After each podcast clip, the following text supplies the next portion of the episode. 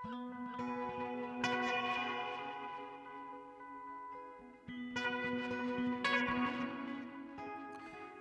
sæl og blessuð við sjá helsar ágættur hlustendur um miðugudaginn 12. mæ. Tónlist í kirkjum, vináta og enga húmor og nýtt listhús í Ártúnsbrekku í Víðsjá í dag. Í þettinum í dag þá ætlum við meðal annars að fara í heimsókn í gömlu kartöflu gemslurnar við Ártúnsbrekku en þar vinnur myndlistarkonan Hrafnildur Arnardóttir Shoplifter að því að koma upp síningu sinni Chromo Sapiens til frambúðar. Síningin var framlag Íslands á Fenea tvíaringnum árið 2019 og er eins og allra vinsælasta sem sett hefur verið upp í sögu listasaps Reykjavíkur. Hún verður nú hluti af nýju menningarhúsi sem opnað verður í sömar. Hrafnildur segir frá í Víðsjá í dag. Margrét Bóastóttir, söngmálastjóri þjóðkirkjunar verður sérstakur gestur viðsjár í dag í setni hluta þáttarins og það er gefnum tilefni. En deilur varandi starfslokk Harðar Áskelssonar, kantors og organista við Hallgrímskirkju hafa verið í umræðinu undanfarnar daga. Margrét verður spurð út í stöðu tónlistarinnar innan þjóðkirkjunar. Og Haldur Armand Áskersson reytufundur ávarpar hlustendur og talar um mótsagnir í sögu og samtíð. Í dag er Haldur með hugan við vináttu og enga húmor, meira um það í þættinum í dag. En við hefjum þáttinn í Ártúnsbrekkunni. Bara telja í, er ekki? Hún sem er framfélagstjóri hérna með mér og stampar þetta með mér. Já. Ok. Æ, ok. Ok. Já, ég komin hingað í, í kartöflu geimslurnar við Ártúnsbrekku, Ellið Árdal. Þar eh, á að fara að, eh, já, búa til bara heilt menningarhús og það er Hrafnildur Arnardóttir. Hún er eh, alltaf betur þekkt sem shoplifter. Hún ætlar að hreyðra um sig hér með síningu sem að hétt og heitir Chromo Sapiens og var í Feneum á sínum tíma, Fenea tvíaringnum 2019 held ég og þessi síning hún verður hér til frambúðar og margt fleira fínir í verður hér í bóði. Hrafnildur, uh, hvernig gengur? Hvernig verður þetta?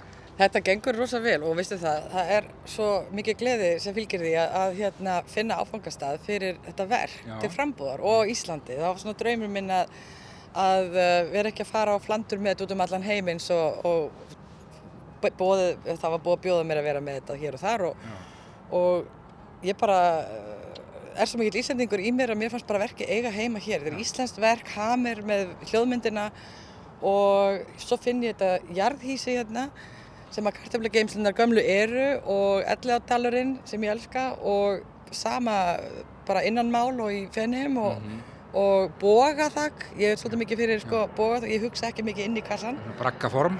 Braggaformið er náttúrulega bara, já, dásamlegt og, hérna, og verkið passar æðislega hérna inn. Já. Þetta er svona eins og faran í jörðina og mér langar að þetta verði áningarstaður og samverustaður þar sem fólk getur hist og verið svona í náttúrunni mér í Reykjavík. Já, bara slakað á. Slakað á í náttúru og yfir náttúrunni minni. En þú vilt að verkið sé hér? Ég vil að verkið sé Til frambúðar. hér. Já, ég er búin að ganga með það hugmynd í maganum síðan að verkið hérna var tekið niður í listinni Reykjavíkur. Já.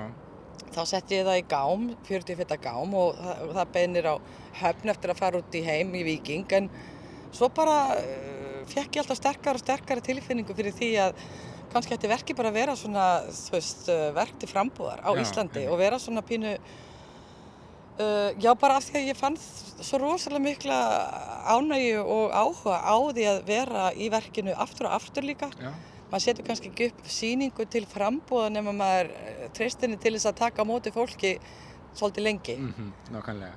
Uh, já, þetta var í listasafni Reykjavíkur og mér skilst nú bara að þetta hafi verið eina alvinnsalesta síning sem að þar hefur verið sett upp. Ég frétta Mér því. Mér frétta því. Ég held að Reykjavíkuborg og, og, og hérna, lista Reykjavíkur hafi ekki verið neitt sérstaklega óanætt með uh, aðsóknina sem Nei. að ég held að hafi slegið öll met og, og, og þurfti að hlaupa upp til handa og fóta að, hérna, taka á þessum gestum. Nákvæmlega.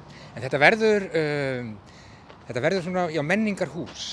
Já, mér langar sko að halda áfram með þá hugmynd sem að Kristinn Brynjólfsson sem að hérna gerði upp þessa gömlu kartaflegeimslur og er búin að undirbúa uh, að hér verði listir og menning á bóðstólum og þetta er svo stórgóðslegur íverustæður hérna og dalurinn og allt, þessi útivist og gönguhópar og annað. Og, og ég fæ sem sagt uh, að, að kaupa tvo af þessum bröggum hérna sem eru sjöals Já.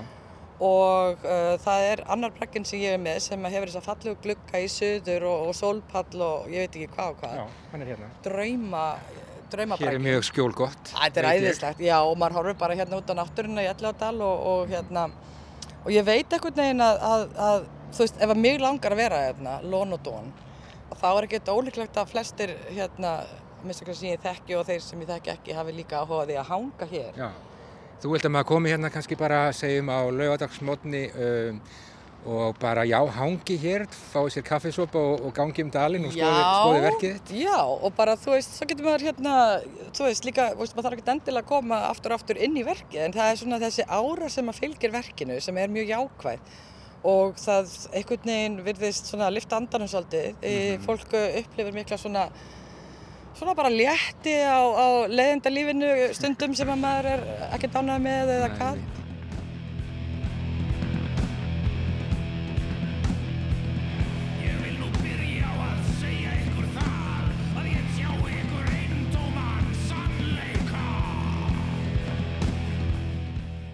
En hérna eru pókar fullir af litríku hári.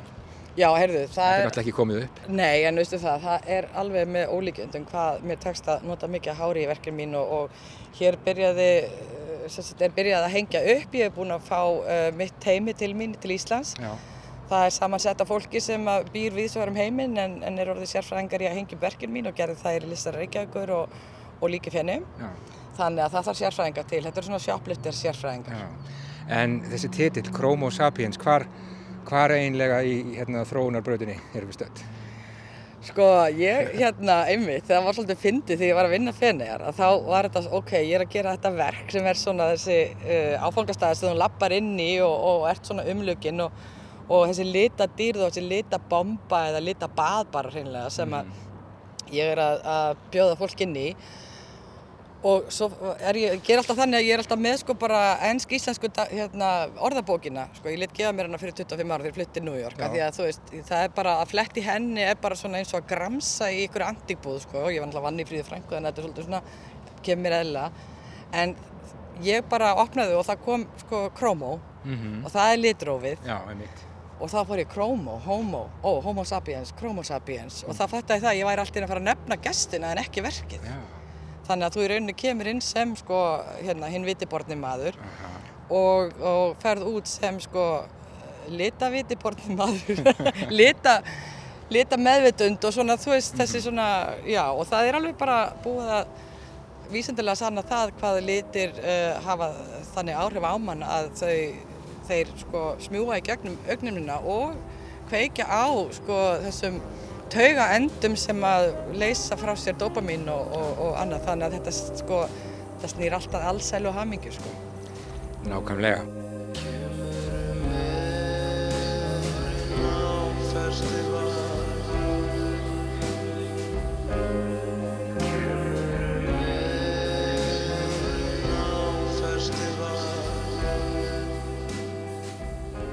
Sko þú ert með tvo bragga hérna og mér skilst nú að það sé risastór bílakjallari hérna bara undir þessu plani sem við stöndum á núna. Og einhvern tíman ætluðum en að, að vera þar bara hreinlega með skemmtistað held ég og menn voru með svona mikil áformum um það hvað átt að gera við þennan stað. En þú, þú ert nú alla einastanda í þessu.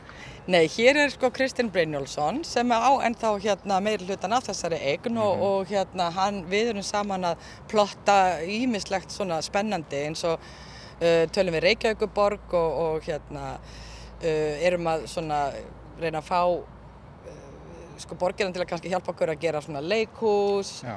og uh, svo sem að er að stopna þetta með mér, hún Lilja Baldursdóttir, hún er búin að vinna með mér sem uh, kreatífur framlegandi í fimm ár, þannig að við erum að gera þetta saman og ætlum að stefna því að reyna að fá meiri menningu hérna upp í þessi rými sem að eru ekki okkar og til dæmis uh, er alveg stendur fyrir að gera veitinga og, eða sérst hérna, tónleikastað hérna í kjallarannu og þú veist, ég hérna hugsa að hér verði smátt og smátt rosa spennandi að koma þetta er svona áningastaðar eins og Lilja kallar það. Og Töfrastaður, sagði þú. töfrastaður, áningastaður geimasýra, önnur pláneta þú veist, þetta er bara hárbær í árbæ, sagði einhver. Þannig að veist, þetta er bara stærðarina verkefni og veist, mitt framlag er þetta verk. Og síðan uh, er rosalega mikil uh, vinna náttúrulega, veist, að setja af stað líka þetta eins og þetta er svona sapn í rauninni, í mínu nafni sem við erum að stopna saman. Og þá vil ég hafa stað þar sem fólk getur fengið sér eitthvað að drekka og borða.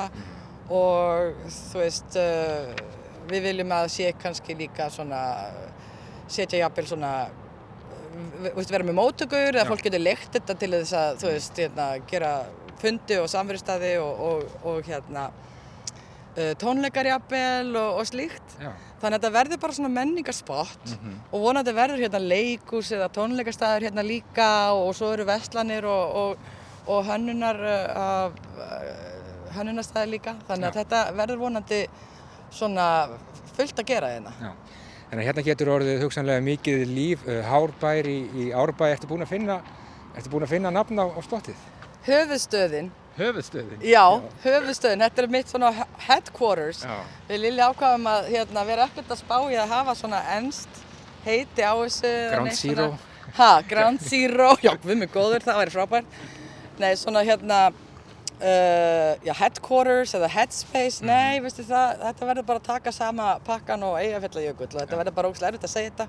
Höfuðstöðin. Höfuðstöðin, já. Og það er allt í lagi. Það er bara, já, og, og Chroma Sapiens verður hérna inn í þessu og höfuðstöðin er í rauninni þetta unit sem heldur utanum þá síningu Já.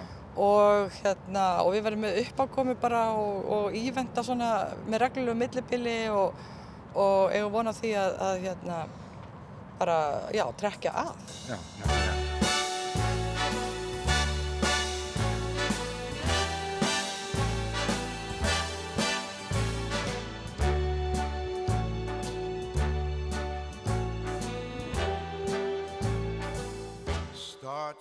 Þú ert búin að vera lengi í New York, Hrafnildur, hvað, 25 ára eða eitthvað? Já. Smá pása núna, er það ekki?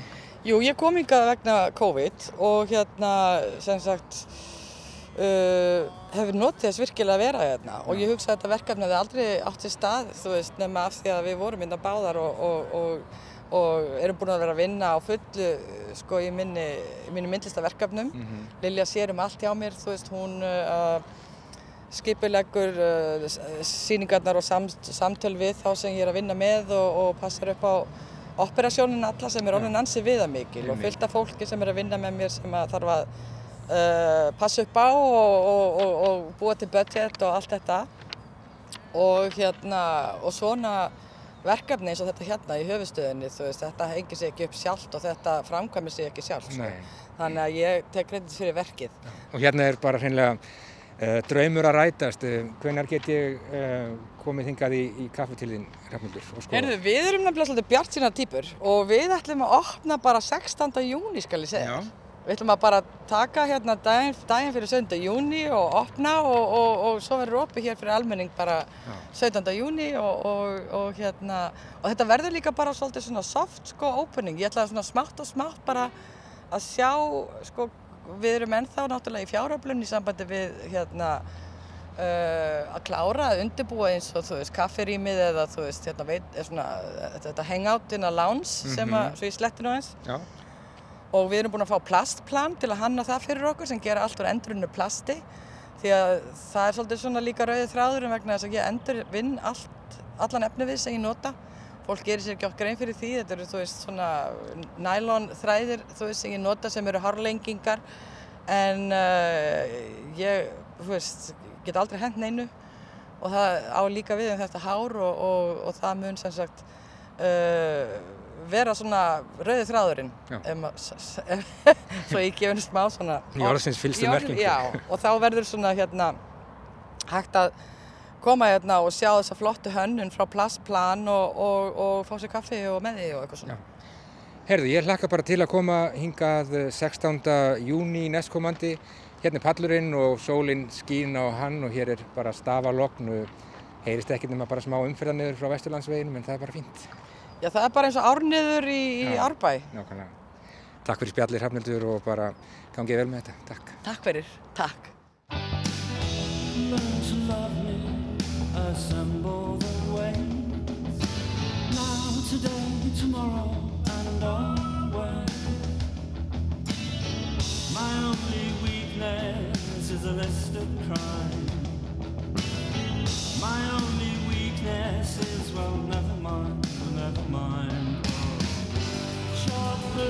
Shoplifters of the world, unite and take over.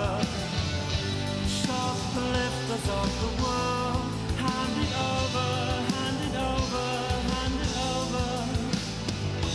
Learn to love me and assemble their ways. Now, today, tomorrow, and always.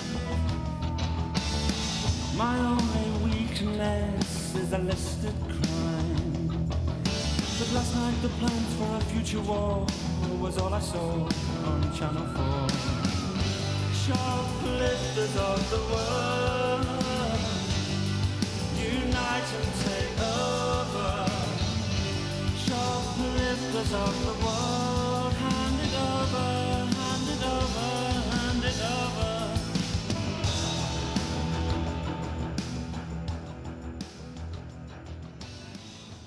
Já, Shoplifters of the World, Unite and Take Over the Smiths, gammalt bragur fyrir Hrafnhildi Arnardóttur, Shoplifter, allt að gerast í höfuðstöðinni í karteblugeimslunum við Ártúnsbrekku og Elliðárdal. Hrafnhildur stefnir ótröð á að opna nýtt menningarhús þann 16. júni næstkomandi. Þar verður síning hennar Chromo Sapiens og sittkvað fleira eins og framkom í spjalli okkar í morgun. Engar kartöflur í brökkunum í ártúmsbrekkunni en hins vegar mikið af litríku hári. En næstur á mælindaskrá hér í Víðsjá þennan miðugudag er Haldur Armand Áskeirsson rithöfundur. Hann talar að venju um mótsagnir í sögu og samtíð. Í dag er Haldur með hugan við vináttu og engahúmor.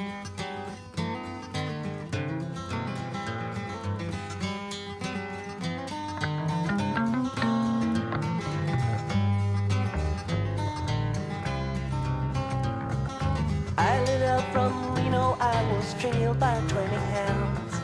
Didn't get to sleep that night till the morning came around. Sit out run, but I take my time. A friend of the devil is a friend of mine. I get home before daylight, just might get some sleep tonight. Ran into the devil, baby, loaned me 20 bills. Spent the night in Utah in a cave up in the hills.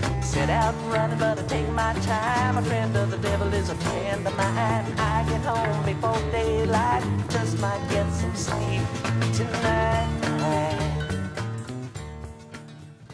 Vinur minn saði mér brandaramdægin sem fekk mig til að tárast úr hlátri.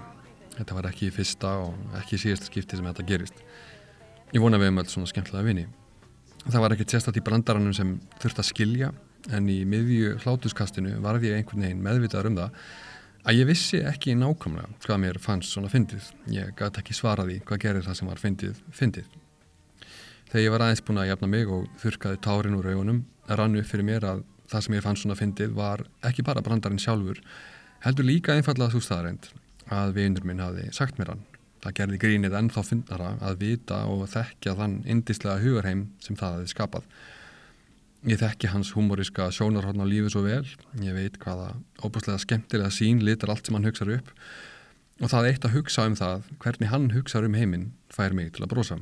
Þetta er að vissuleiti lýsing á því sem við köllum engahúmor. Hann tengir saman ólíkar sálir og hátt sem þær geta aldrei útskýrt. Við getum ekki útskýrt engahúmor fyrir öðrum vegna þess að við skiljum hann ekki sjálf, alveg eins og ég upplifði þarna í hlátuskastinu.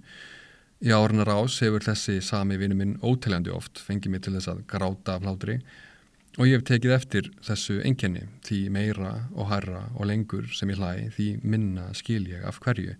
Ef ég raunverulega reyna að kafa ofan í það hvað nákvæmlega það er sem ég finnst svona skemmtilegt þá lend ég á vegg. Það er eins og að spurja af hverju sólalag er fagurt. Tungumál og raukhugsun bregðast, það er ekkert sérstatt punchline, engin írónía, ekkert trikk eða eitthvað sem þarf að skilja. Hugmyndaflug hans einfallega yfirböða mig. Bestu brandarannir eru þeir sem við skiljum ekki. Hlátur er hljóðið sem heyrist þegar múrin sem aðskilur okkur frá öðru fólki í mólunar. Öll eru við föst inn í okkur sjálfum. Það er mannlega hlutskipti að við erum dæm til þess að upplifa okkur sjálf sem miðju alheimsins og getum ekki vitað hvernig það er að vera einhver annar. En þegar náinn vinur segir okkur eitthvað sem lætur gleði tár byrja að streyma niður vangana, eitthvað óvænt, eitthvað frumlegt, eitthvað sem fær okkur til að sjá heiminn í öðru ljósi, þá er eins og hláturinn sé líkamlegur fagnuður þess að frelsast undan sjálfum sér. Það verður til einhver djúb tenging við hina manneskjuna, í örskot stund fattarðu hennar sjónarhórn og farið að sjá eins og einum skráargat hvernig er að vera hún og sama tíma farið ég að framta að upplifa hvernig er að vera ekki þú. Þú hlærð og hlátur þinn fangar mótsögn. Allt í einu skilurum hvernig er að vera ekki þú. Þú skilur eitthvað sem þú veist ekki hvað er. Frábæra umfjöllun um hugmyndasögu vináttunar er að finna í ingangi Svavas Raps Svavasonar, professors í heimsbyggi, að bókinni um vináttuna eftir Cicero. Þar kemur meðal hans fram að þíski átjöndu aldar heimsbyggingurinn Immanuel Kant hafi fjallað um vináttuna í fyrirlestri þar sem hann teldi fram tveimur kvötum mannsins, sérhyggju og mannúð. Þessar kvatir takist á í mannssálinni. Sérhyggjan snýrað gerandanum og hefur ekkert siðfellett intak, en mannúðin geymir hins vegar siðferðilegar skildur mannsins gagvart náunga sínum. Svafar skrifar, ef breytni mannsins byggist á sérhyggju þá hefur hún ekkert siðferðilegt gildi, en byggist hún á mannúð þá stuðlar hún ekki að hamingju gerandans. Lausnina finnur kant í hugmyndinu um vináttu. Elski ég vin minn eins og ég elska sjálfa mig og elski hann mig eins og sjálfan sig hefur breytni begja siðferðlegt intak og stöðlar auk þess að hamingju begja. Það er í þessum skilningi sem Kant skilur vinin sem annað sjálf. Já, vinurinn sem annað sjálf. Vinurinn er í raun sá sem elskar þig fyrir þína hönd, ef svo má þorðið komast. Þetta eru kannski hártóanir en mér finnst samt þess verðt að spyrja er vinkonan eða vinurinn annað sjálf eða getur verið og þú og vinkonaðinn séu það einhver leiti sama sjálfið með öðrum orðum. Getur verið að vinátt að getur náðast líka dýft að skilin millir tvekja sjálfa eigðast og verða að því sama. Við erum vinur okkar. Svona upp að vissum marki. Hafa eflust allir tekið eftir því að góði vinir og fólk sem ver miklum tíma saman byrjar að tala eins nota sömu frasana, tala í sömu hrinjandi og já, hugsa eins og segja brandara sem hafa sama keimin og eiga rót sína í sömu heimsmynd. Hver veit? Hvaða er sem við erum innst inni verður ósagt láti hér. Hins vegar er nokkuð ljóst að manneskjur þekkja sér sjálfar ekkert sérstaklega vel. Við gerum hluti sem við skiljum ekki af hverju við gerum. Við eldum ekki í draum okkar. Við gerum ekki það sem við ætliðum að gera og gerum það sem við heldum að við myndum aldrei að gera. Sagt er að yfir inganginum að hófi Apollons í Delphi hafi staðið hinn fræga yfirskrift Þekktu sjálfa þig. Þetta held ég að einhver hafi skrifað sem áttaði sig á því að mannsálinn er að stórum hluta í felum hulin skugga að við þekkjum okkur sjálf almennt og yfleitt ekki vel. Og hvaða hlutverki gegna vinir fólk sem skilur ekki sjálft sig? Jú, vinur er sá sem þekki þig betur en þú gerir sjálf. Vinkona þín sviftir hulin af því hver þú ert, afhjúpar þig þannig fyrir sjálfan þér. Einn af mínum eldstu og nánustu vinum stóð nýlega frammi fyrir stóru tækifæri.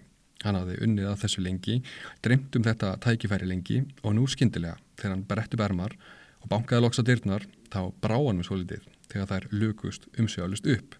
Það vantaði bara að heimurinn breytti hreinlega úr rauðum dregli við fætur hans. Hann var í sjönda heimni, æsku draumurinn var að rætast. En nokkrum dögum síðar fekk ég skilabóð frá honum. Tóri, ég er eitthvað aðeins búin að vera að hugsa þetta yfir helgina og ég er að melda hvort ég er að láta slaga standa eða hvað. Ég er ekki alveg viss. Ég skellti upp úr. Þetta var svo dásamlega galið. Hann var búin að ofhugsa sig inn í myrkviði Evans og vissi ekki lengur hvað snýri upp og hvað niður. Núna var hann allt í hennu ekki örugur um hvort hann ætti erindi í þennan nýja heim sem hann hafi dreymt um svo lengi og stóður um nú galopin. Heim sem hann hafi svo fullkomlega ótvíraða og augljósa hæfileika til að brillera og blómstra í að enginn sem þekkt hann gætt efast um það í eina segundu. Nemaðu þetta hann sjálfur, við tínumst í landslægi eigin hugsana. Ég, sem vinur hans, vissi þetta, ég hef alltaf vitað þetta og ég vissi þetta betur en hann sjálfur og mitt hlutverk sem vinur hans er að, svo að segja, endur uppgöta hans sjálfan aftur og aftur fyrir hans hönd alveg eins og hann gerir fyrir mig. Svo þegar sjálfsefinn byrjar að naga hann, efinn sem nagar og lamar okkur öll, þá er ég til staðar til að fullvisan um það hver hann raunverulega er, beina honum aftur á réttan vegarhæfning. Við erum hulinn skugga. Vinur okkar drá okkur fram í ljósið og gera okkur þannig mögulegt að verða á okkur sjálfur. Got a wife in Chino, baby, and one in Cherokee. First one says she got my child, but it don't look like me. Set out running, but I take my time. A friend of the devil is a friend of mine. I get home before daylight, just might get some sleep tonight.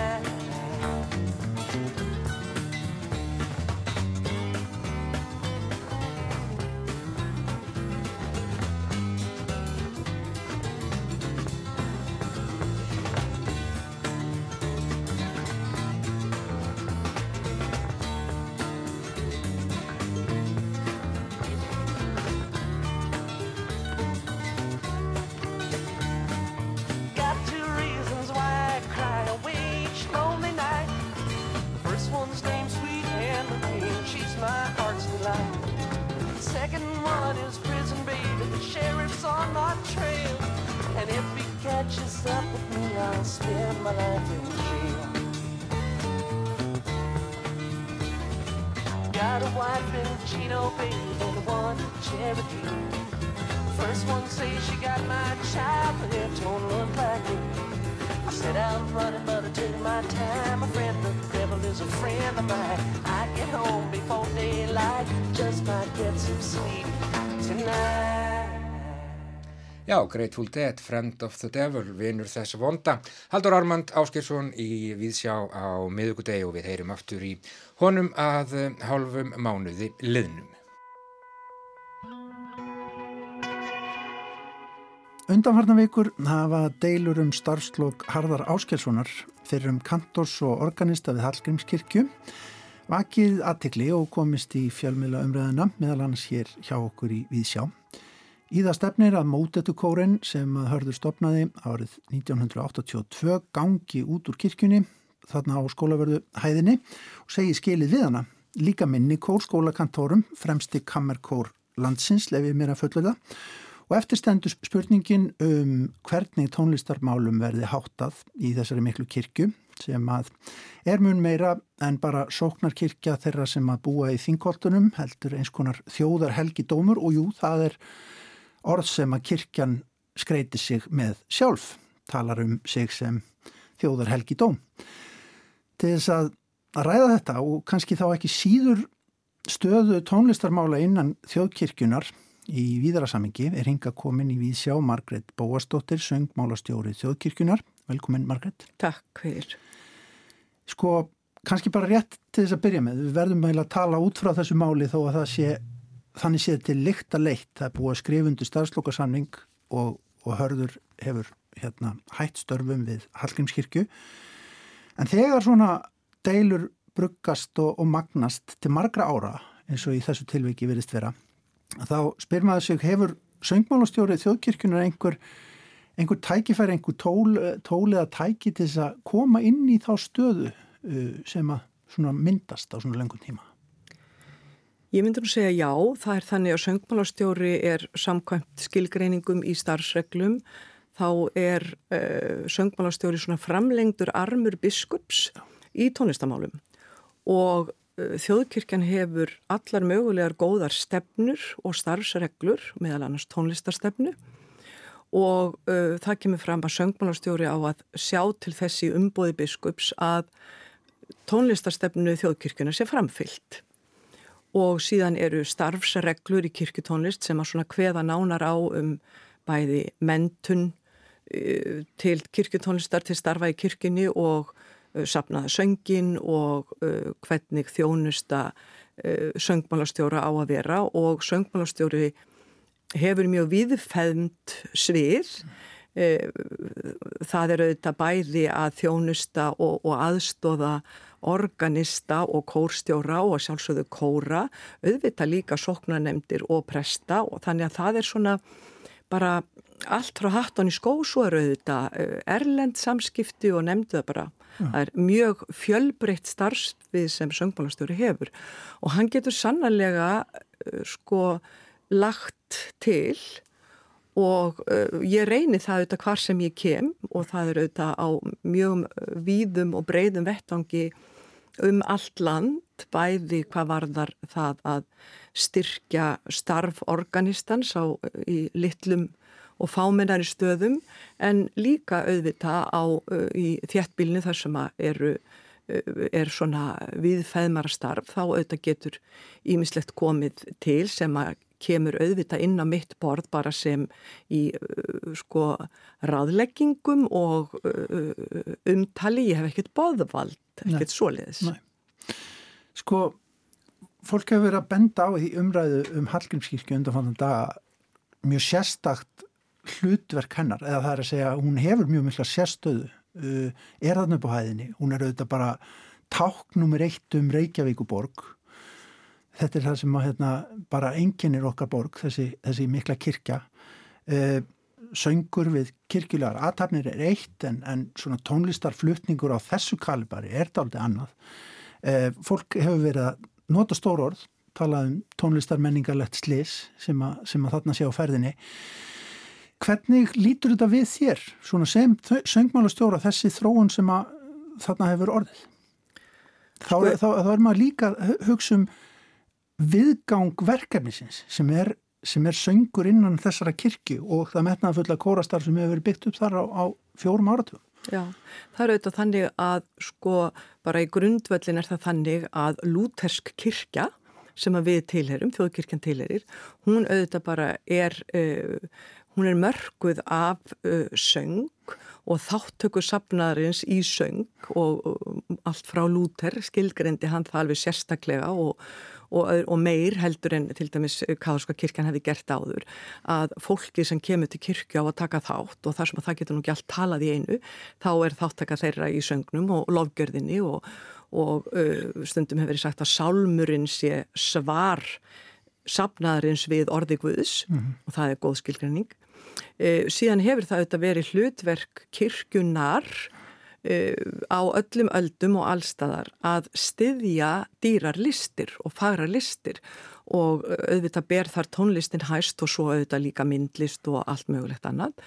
Það er auðvitað óumdeilanlega þannig í svona litlu samfélagi eins og Ísland er að þá höfum við, eins og þú segir, ekki margar kirkjur sem að geta hýst stóra listviðburði og uh, þess vegna auðvitað hefur og í uh, hugum okkar er Hallgrímskirkja á skólaveruholti, hún er svona ímynd þess að uh, þar geta farið fram uh, stærðarinnar vegna og hljómburðarins vegna og vegna orgelsins glæsilegi listviðburðir í kirkutónlist og kirkjan hefur borið gæfu til þess að hafa kantor og listarænastjórnun sem hefur haft uh, metnað og dug og kóra til þess að flytja stórverk og uh, það auðvitað er uh, til gleði og hagspóta fyrir alla. En, uh, en hefur alltaf verið og kannski vill það stundum gleymast þó ég sé nú ekki að segja það neitt í, í,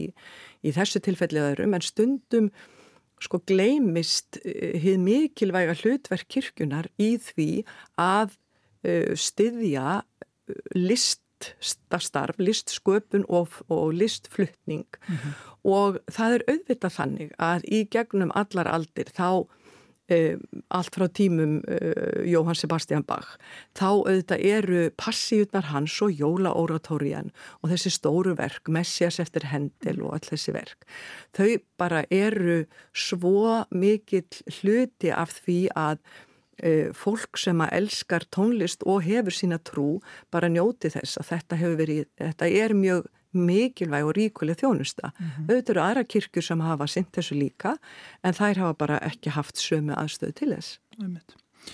En síðan eru, hvað má segja, tveir pólar innan svona kirkju, það er organistinn og svo er það presturinn, það eru geistlegu yfirvöldin innan kirkjunar. Við erum ekkit endilega að tala um þessa kirkju núna, við skulum kannski aðeins vika umræðina, en ég menna við veitum að Bach lendi stundum upp á kant við, við sína yfirbúðara á sínum tíma og þetta kannski gerist aftur og aftur. Er það stundum þannig að að sé smá núningur hann á milli? Sko er það eitthvað sem að þú hefur orðið vör við eða, eða við í íslenskum kirkustarfi Já, já, auðvitað, því, því miður uh, uh, gerist svoleiðis líka í öllum löndum og öllum öldum og, og alltaf þungbært og, og sannlega er það rétt og, og mismunandi skrásett hvernig svona verður til. Og það er uh, alveg sama hvaða mál það er og, og hvort að það eru, eru samskipti prests og organista eða bara einhverja allt annara í sömu stopnun, það eru þetta alltaf þungbært ef að menn geta ekki komið sér saman um málefnið.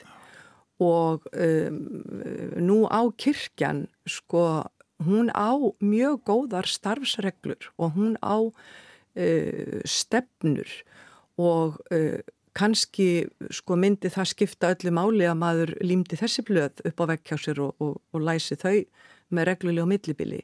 Af því að það skortir ekki á að regluverki hveð ekki á um hvernig þú átt að hafa samstarf og hvers er, uh, við skulum segja, umráðasvæði eða umráða vettvangur hvers og eins í kirkjunni.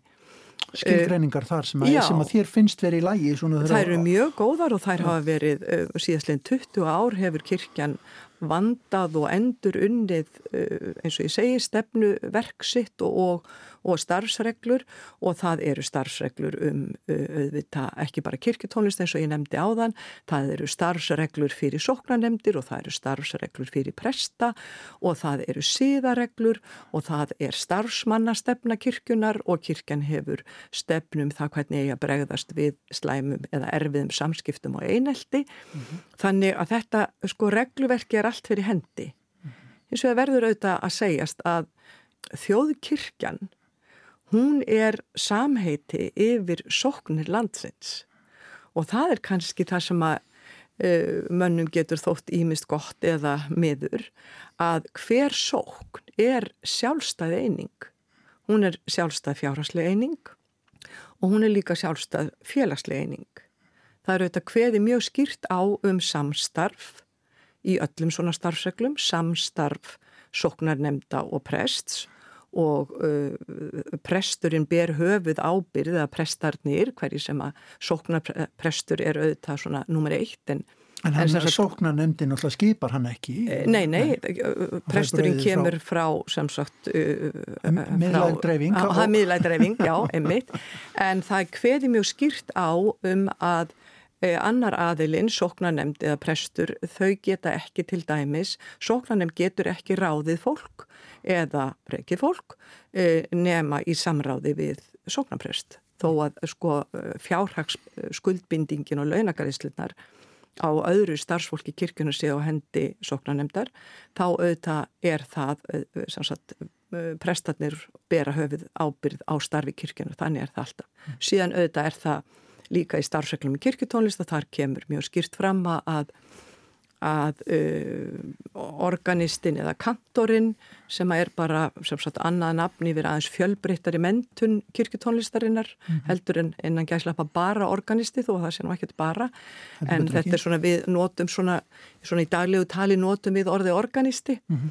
hann ber ábyrð á og hefur umsjón með tónlistarmálum kirkunar hann er fagmaðurinn sem að kirkjan kallar til að hafa umsjón með tónlistarmálum og uh, þess vegna auðvitað viljum við líka krefjast þess og það kemur inn á mitt borði líka að hvetja uh, sókunir til þess að ráða sér organista sem að hafa vandaða kirkutónlistamentun af því að uh, það er líka viðurkent í kirkunni að tónlistin er ekki einhver auka afurð eða svona uppfyllingarefni eða eitthvað svoleiðis. Tónlistin er náttúrulega mjög skýr hluti af bóðun Guðsorðs mm -hmm. og þar leðandi bóðar þú í tónum eins og í tali og það er mikil ábyrð að vera uh, kantor eða organisti, hvort sem að kirkjan er nú lítilega stór og sá aðili á til dæmis að hafa þekkingu á, á sálmum og, og og kirkjuárin og því og geta, við skulum segja, til dæmis ef að kemur nú ungur prestur, þá er nú ekki verra ef að, ef að organistin hefur verið aðeins lengur og getur stutt hann hvað varlar uh, helgihaldið og sálmana og, og, og svo aftur öfugt ef að kemur ungur uh, organisti og, og þá er presturinn reyndari og þá geta þeir stutt hver annan. Þannig að sálma, val og tónlist í helgihaldi, hún, það er mjög skýrt hveið á um að það er samstarf. Mm. Nú er ég með hérna, tónlistastefnum þjóðkirkjunar við hendina, samþitt á kirkjuþingi 2019 og uppfærð þá, endur skoð. Eh, það er nú bara, hérna, kabla heiti fyrsta kabla um, um grundvöld kirkjutónlistarna. Tónlistin er gjöf guðs, það er bara hvorki meira en að minna en sko, við skulum ekki lóka augum fyrir því núna á þessum tíma sem við lifum 2021 að þjóðkirkjana á í vöka verjast það er að fækkar í henni e, það er talað um svona aukið afskiptaleysi og áhuga leysi e, hlutverk tónlistarinnar til þess að klæða áhugan á ný fyrir trúastarfinu sko hvernig, hvernig sérðu það? Já, það, sko uh, takk fyrir spurninguna. Hún er ekki bara mjög góð heldur svarið er, er já, já. Að hlutverk tónlistarinnar í því að glæða trúfólks og ebla trúfólks og, og það hún það hlutverk er sannarlega til og fyrir hendi. Og listarnar almennt, og listar, listarna almennt. Þetta vinnur allt saman. Listalauðs kirkja er auðvita uh, sko fábreytileg þannig er til en, en ekkert er án listar. Þú veist líka fólk sem vildi loka sig af og bara sinna sinni trú í klöstrunum það eru það náttúrulega til stórkosleg listaverk bæði í í tónum og, og, og í öðru myndum. Við skulum ekki gleyma arkitekturnum, þessar allra fábreyttustöður og þetta geta verið stórkostlega listaverk. Sko, Nákvæmlega og arkitekturn, akkurat, það er, mitt má ekki gleyma því. Þetta er, uh, listin er náttúrulega þannig séð bara byrtingamind uh, kjarnalífsins mm -hmm. eins og gott skáld saði, ég held að verið Sigur Pálsson. Mm -hmm ljóskáld. En ég hef ekkert svo stórar áhyggjur af því að þjóðkirkjan eigi í vöka verjast og það fækki í þjóðkirkjunni. Það er ekki þannig að þetta sé vinsaldakeppni og það er margt sem kemur til. Það er ekki þannig að fólk flikkist í önnur trúfélög að því að þjóðkirkjan sé svo leiðileg. Það er bara ekki í neinu trúfélagi og það er í raun og veru bara byrtingamind þess sem að mjög oft hefur verið í gegnum aldina líka. Þegar að allt er í svona þokkalegu lægi mm -hmm. þá þarf þú, gleymir þau að þakka fyrir. Þú bara hefur það ágætt og þér finnst þú bara stjórna e, þessu öllu saman og Guð verður bara svona e, upp á hillu í sálmabókinu eitthvað þannig. Síðan auðvitað geta allir borið vittni um það að þegar að eitthvað bjátar á og þú verður fyrir einhverju áfalli þá auðvitað spyrja menn sig alltaf að því er eitthvað meir? Mm -hmm. Er þetta svona? Er þetta bara auðmingja ég að verða fyrir þessu áfalli? Er, mér, er verið að sína mér eitthvað með þessu? Á ég að axla eitthvað? Á ég að sína þolkjaði? Á ég að auka mína trú til þess að standa af mér storma lífsins? Mm. Þannig að sko ég hef ekki áhyggjur af þessu en uh, hitt svarið hvað var það tónlistina er auðvita bara já og núna til dæmis er búið ákveða að kirkjan uh, svona uh, endurskapi líka sína stefnumótun. Og, og það var svona snarpur uh, og mikill uh, sumfundur. Og uh, til þess að gera langt mann stutt þá svona satt kristallast út ákveðin efni sem að allir sem að komu að þessu sem að voru minnstakosti hundratalsins töldu að skipti miklu máli að leggja áherslu á. Og það var að sjálfsögðu að ebla barna og úlingastarf auðvita og þá segi ég sem söngmálastöðu þjóðkirkjunar mikilvægast af öllu væri að ebla barnakórastarf við kirkjur vegna þess að kórastarf felur í sér inniber félagslegan þátt inniber jákvæða ögun eins og í íþróttunum, þú mætir á æfingar hins verður ekki settur út úr liðinu ef eru aðeins fleiri á æfingu heldur en rúmast fyrir inn á vellinum svo í, í kapleiknum og eh, krakkarnir sem er í kóronum þau skinnja að það er gott að koma í kirkuna eða safnarheimilið og æfa og þau mæta vikulega árum saman. Og bara svona sem dæmi að eh, við settingu kirkuþing síðastliði haust þá kom hópur úr úlingakórum tveggja kirkna og söng fyrir eh, þingfyll trúa í upphafi. Og ég spurði þær að ganni áður en við fórum inn og ég svona satt kynnti laugin sem þau voru að syngja og sagði hvað er búin að syngja lengi í kór? Og eldstu stúlkunna voru 15 ára og svo niðar og þetta voru af því að það var nú COVID og máttu ekki vera margir, þetta voru 12 stúlkur. Það var einn sem hefði sungið í 10 ár Já. og tvær sem hefði sungið í 8 ár. Einhver er í 7 og svo eftir það. Þetta var 15 og 14 og 13 ára stúlkur og kannski nýri 12 Kjölfesta í lífið þeirra. Þetta er kjölfesta í lífið þeirra og um, Við erum með frábæran vittnisspurð um þetta inn í Langkvaldskirkju sem að Jón Stefánsson organisti þar heitinn stofnaði til þar sem að krakkarnir byrja þryggja og fjóra og upp í fimm ára í kór. Og þau halda bara áfram. Og e, við höfum viljað vera með svona smá stefnumótin í kirkjutónlistin líka og, og ég hef sagt hver á að syngja í kirkjun eftir fimm ár og hver á að syngja í kirkjun eftir tíu ár? Ekki við. Svar. Þau börn sem að mæta í bardakór En sko, viðhald verkefnana eins og í þessu tilviki, svo höfum það til hlið- hliðsjónar uh, þetta uh, leiðinda mál á, á hérna, skólaverðu holtinu.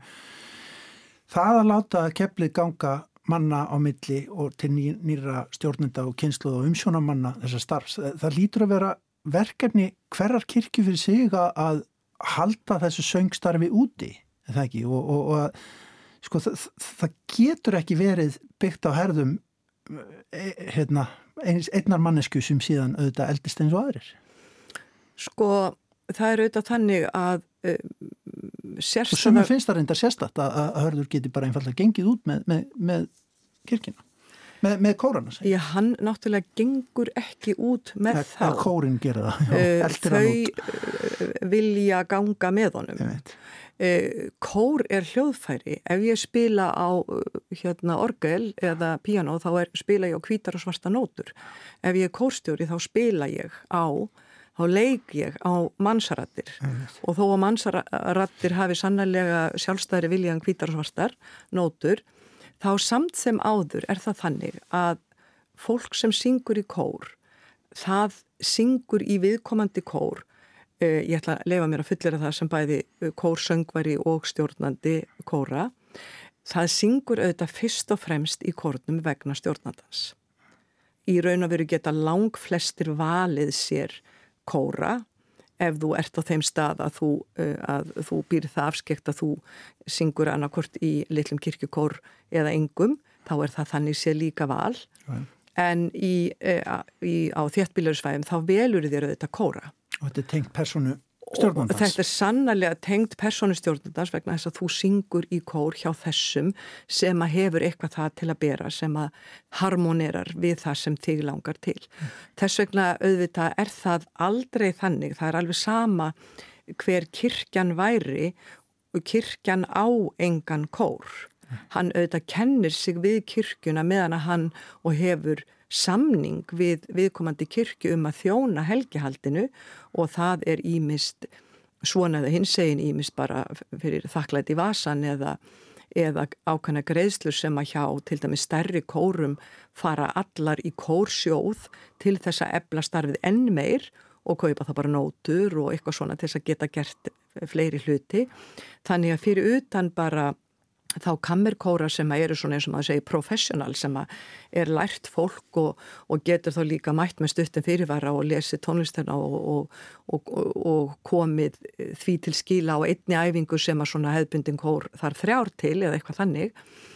Þau fá öðruvísi greiðslur og maður sér þetta auðvitað skýrast í útförum á þeim vettvangi en, uh, en sagt kórin er sjálfstæð eining og yfirleitt alltaf með kennutölu og sinn eigin fjárhag og fær svo bara stöðning frá kirkjunni uh, fyrir uh, hérna, fleiri verkefnum og þakklætis vott og þóknun fyrir sitt starfað helgihaldinu.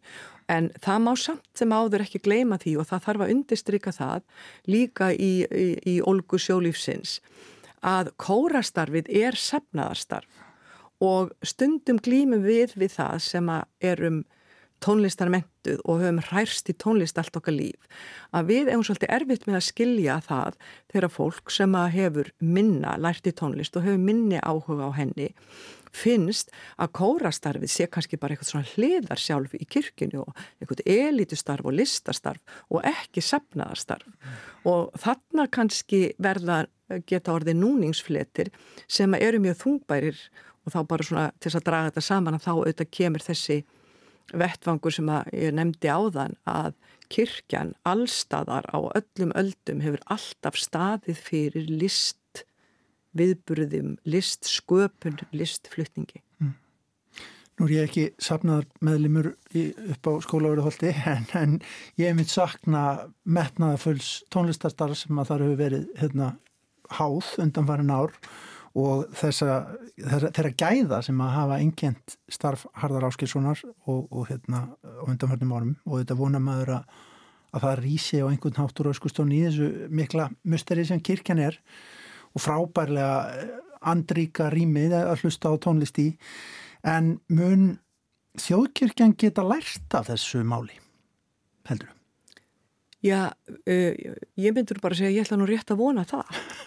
Uh, það er auðvita sko algjörlega ljóst hvar, hvar sem þú stendur ef þú hefur nokkurn áhuga tónlistaflutningi í kirkutónlist þá er þetta mikil missir fyrir kirkuna og miklu fleiri en bara kirkuna og uh, það væri áhugavert og æskilegt ef að þessar fjölmörgu sjálfstæðu einingar þjóðkirkjunar myndu vilja aga sig saman með því að til dæmis að, að skilgreina sig betur samkvæmt starfsreglum þjóðkirkjunar af því að auðvita er það alveg skýrt að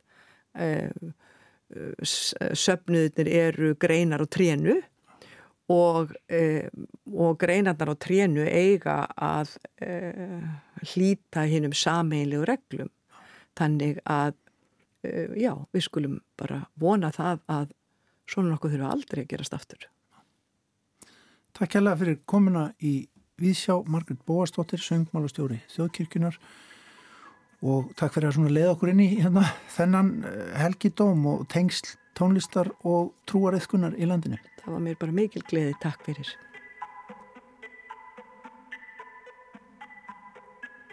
Og þessu spjalli um stöðu tónlistarinnar innan þjóðkirkjunar við Margreti Bóastóttur, söngmálastjóra þjóðkirkjunar, líkur viðsjá í dag, það er engin viðsjá á morgun uppstýtingadag, viðsjá hér aftur á sínum stað á sínum tíma laust eftir klukkan fjögur á mánudag, við minnum á úrval úr viðsjárþáttum þessara viku á dagskrá hér á ráseitt klukkan 14, klukkan 2 á sundag og líka rétt að benda menningar þistu fólki á sérstakann afmælistátt höllu Harðardóttur á morgun sem að fjallar um heina tíu ára gömlu hörpu tónlistar og ráðstöfnuhúsið við höfnina í Reykjavík. En við segjum þetta gott í dag, ágættu hlustendur, verið sæl og hafið það gott.